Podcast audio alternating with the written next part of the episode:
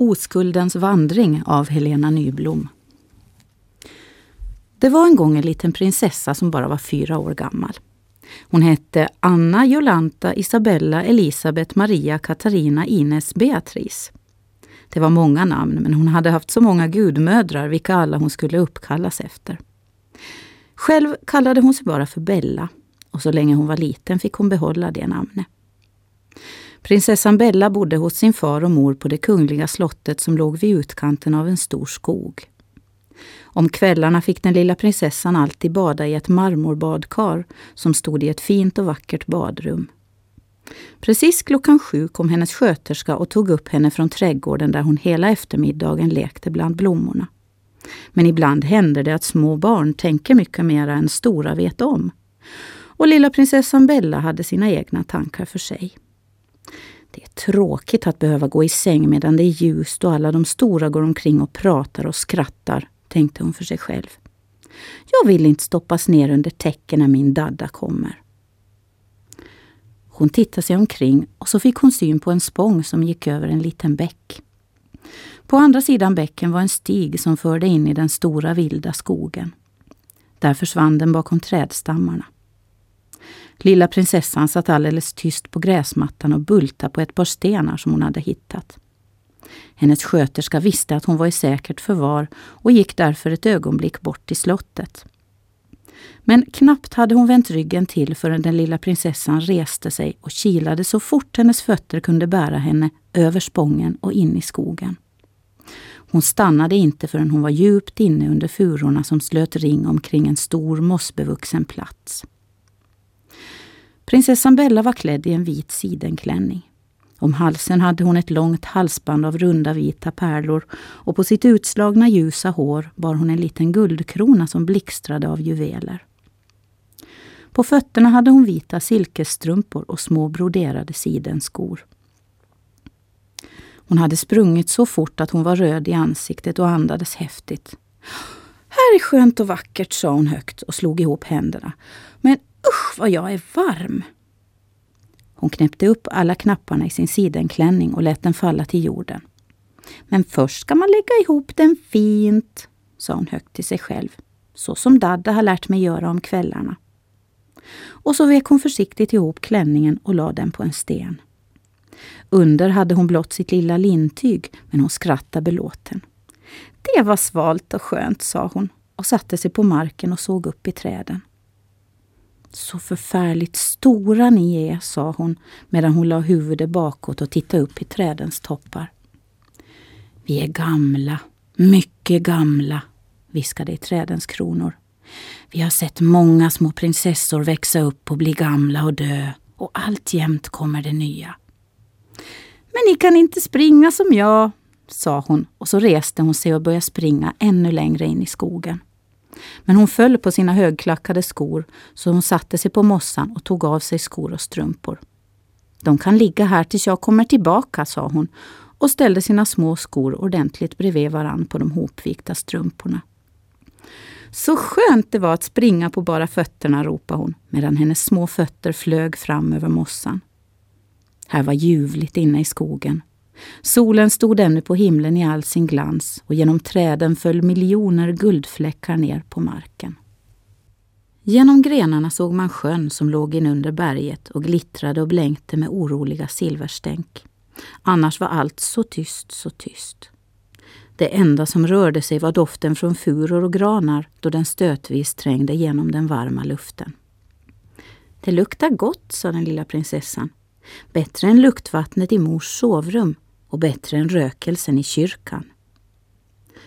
Bäst som det var kom hon till en sluttning där det växte ett tätt hallonsnår. Bären var redan mogna och hon gick in bland buskarna och började ivrigt plocka och äta.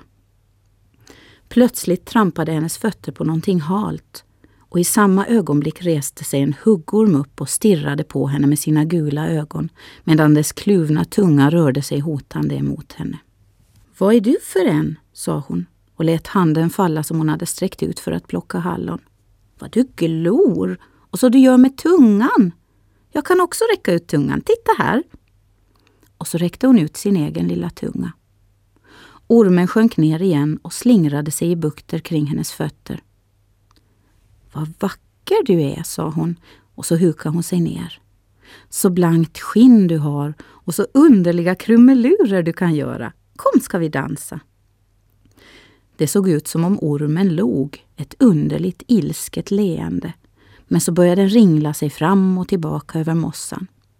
Lilla prinsessan Bella lyfte upp sitt lintyg som nådde henne till knäna och så började hon sjunga. Inte springa, inte gå, dansa, dansa lätt på tå. Hennes små fötter gjorde de roligaste språng och armarna höll hon högt över huvudet medan hon skrattade av hjärtans lust. Ormen blev allt mer hänförd över hennes dans och slingrade sig i de besynnerligaste vridningar. Men plötsligt tycktes den bli trött. Den gjorde helt om, sträckte ut sig i sin fulla längd, rasslade in bland hallonbuskarna och försvann.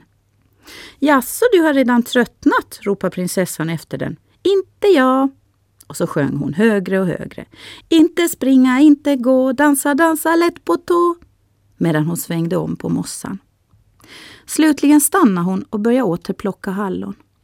Då hon inte kunde äta fler samlade hon alla hon plockade i sin vänstra hand. De här ska mamma och dadda ha, sa hon och så vandrade hon vidare.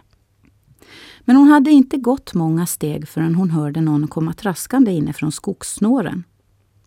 Det är nog mamma som kommer och hämta mig nu, tänkte hon och stannade. Men det var inte hennes mamma. Det var en stor tung björn som stod ett stycke ifrån henne och såg på henne med sina små lömska ögon. Nej, se på den bassen, ropade den lilla prinsessan. En sån väldigt stor hund! Om jag ändå hade lite bröd att ge dig. Men hallon äter du väl inte, eller hur? frågade hon och sträckte ut handen. Vill du ha bär, lilla vän? sa hon vänligt. Det är allt jag har att bjuda dig på.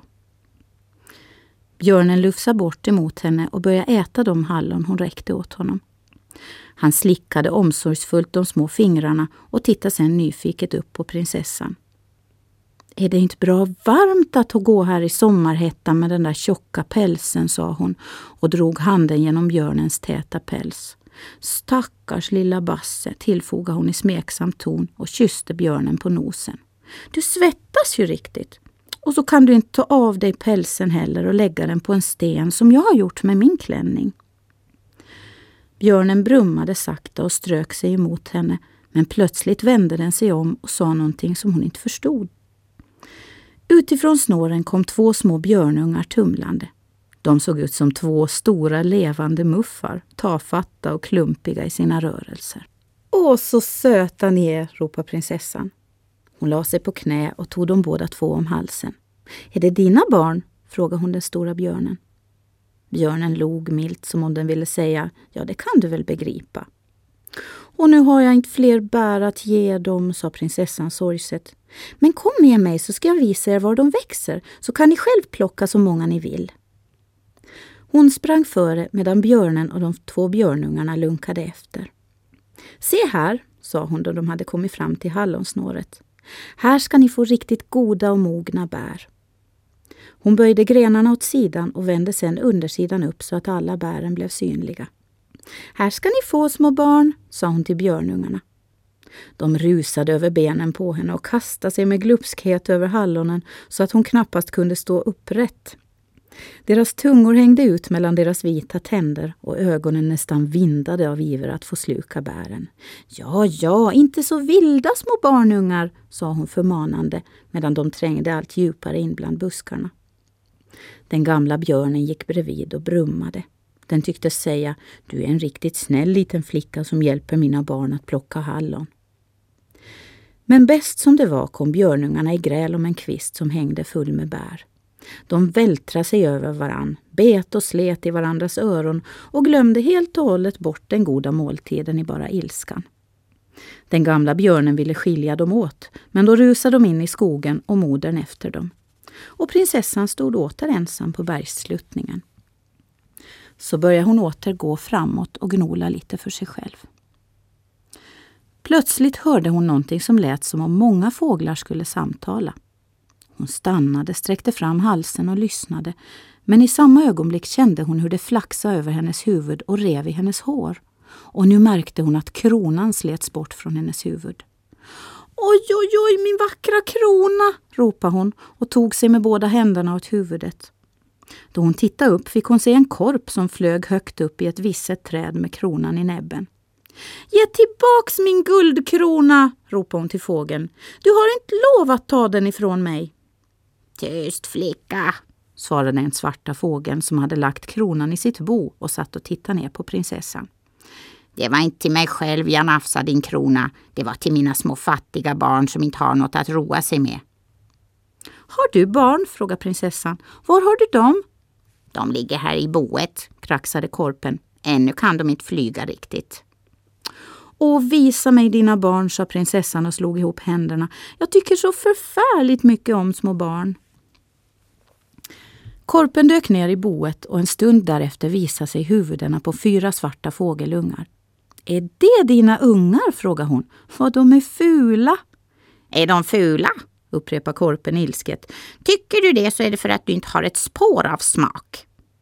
Jag är så liten, sa prinsessan. Bara fyra år. Jag förstår nog ingenting. Kan dina ungar sjunga? Ännu är de inte fullärda, men de har mycket vackra sångröster, svarar korpen. Åh, var snäll och låt dem sjunga en liten visa för mig, bad prinsessan och knäppte ihop händerna. Jag tycker så mycket om att höra dem sjunga. Vänta lite, sa korpen. Jag ska först ge dem ton. Det var tydligt att korpmodern gav sina order till ungarna uppe i boet, för det blev ett kraxande som aldrig tycktes vilja ta slut. Äntligen blev det stilla och nu flög korpmor upp på kanten av boet med två ungar på vardera sidan och så började de. Krax, krax, krax, nu sjunger vi alla strax. Kra, kra, kra, jag tror det var någonting bra. Var det alltihop? frågade prinsessan. Vi kan gott sjunga det en gång till, sa korpen. Nej, nej tack, svarade prinsessan. Jag kan inte stanna längre. Jag måste vara hemma innan solen går ner. Och så sprang hon hastigt ner för berget.